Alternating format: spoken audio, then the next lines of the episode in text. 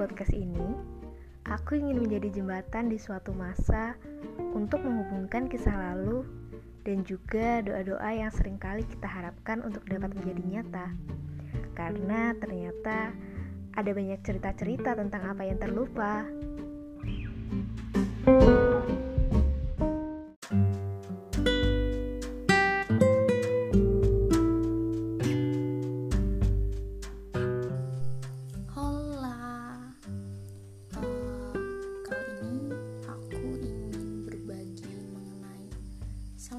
cerita aku yang kemarin sempat aku bagikan kepada beberapa teman-temanku. Dan aku menamainya dengan sebuah perjalanan dari seorang manusia bernama Laras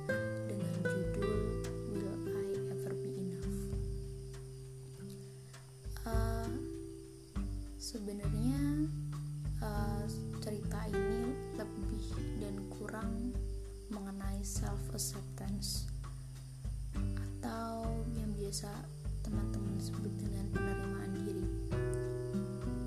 Cerita ini bermula ketika di tahun 2020 uh, aku dengan bangganya memasuki ya bisa dibilang semester pertengahan untuk anak-anak mahasiswa. Jadi kayak pergantian semester kemudian di tahun yang baru aku diamanahi beberapa jabatan yang saat itu membuat aku bisa dibilang sombong.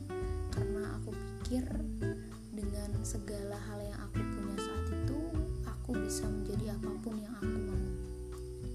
Dan di bulan Maret pun akhirnya pandemi datang. Aku masih apa ya aku masih mengerjakan beberapa program kerja dengan semangat dengan mencari cara ke sana ke sini untuk menjadikan segala hal menjadi online. Tapi ternyata hal tersebut gak bertahan lama. Dua bulan setelahnya aku merasa burnout dan saat itu juga aku merasa aku sudah gagal di beberapa kesempatan yang aku punya. Kayak aku ternyata nggak bisa manage uh, manusia dengan cara online. Kemudian aku nggak bisa beradaptasi dengan sistem online ini dan sebagainya. Di situlah aku merasa bahwa aku tidak layak untuk berada di suatu kelompok tertentu. Dan setelah itu aku benar-benar menarik diri dari lingkunganku baik melalui sosial media maupun uh, intensitas untuk bertemu dengan teman-teman lainnya. Uh, perjalananku saat itu benar-benar sulit menurut aku karena uh, setelahnya aku melakukan hal yang sama berulang kali kayak aku bangun tidur tapi aku nggak tahu aku harus ngelakuin apa dan ya rutinitas aku hanya sebatas uh, menyesali itu kemudian overthinking malamnya tapi paginya juga aku kayak udah melupakan itu dan setiap malamnya aku keingetan lagi dan terus berulang siklus tersebut tanpa aku tahu apa sih yang bisa membuat aku keluar dari hal tersebut. Dan akhirnya aku menemukan beberapa orang yang patut aku acungi jempol karena ya setelahnya aku merasa bisa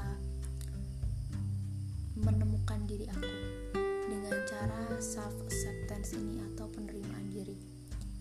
Uh, bisa dibilang self acceptance ini adalah langkah paling awal ketika kita ingin belajar untuk mencintai diri sendiri. Aku rasa aku aku tidak bisa mengklaim diri aku sebagai manusia yang sudah betul-betul mencintai diri sendiri tapi at least aku sekarang dalam proses belajar dan aku sedang menerima diri aku sendiri apa adanya. Aku sedang menerima diri aku sendiri yang tidak sempurna. Tidak semua hal aku harus bisa tidak semua hal harus aku kuasai tidak semua pencapaian harus aku capai dan tidak semua hal yang dimiliki oleh manusia lain harus aku miliki. Saat itu aku merasa bahwa ternyata aku bisa bahagia dengan menerima diri aku sendiri. Dan dengan menerima diri aku sendiri aku juga sadar bahwa yang sebenarnya membunuh kita adalah diri kita sendiri. Kita berekspektasi kepada diri kita sendiri untuk melakukan banyak hal seperti orang lain tapi ternyata kita tidak tahu bahwa diri kita satu hal yang lain. Ketika kita menerima diri kita sendiri, kita bisa tahu di mana sih letak kekurangan kita, di mana letak kelebihan kita, kemudian passion kita di mana, kemudian apakah ketika kita mendapatkan suatu kesempatan kita beres, kita bisa berkembang dengan baik di sana dan sebagainya. Dan menurut aku ini adalah satu langkah yang besar karena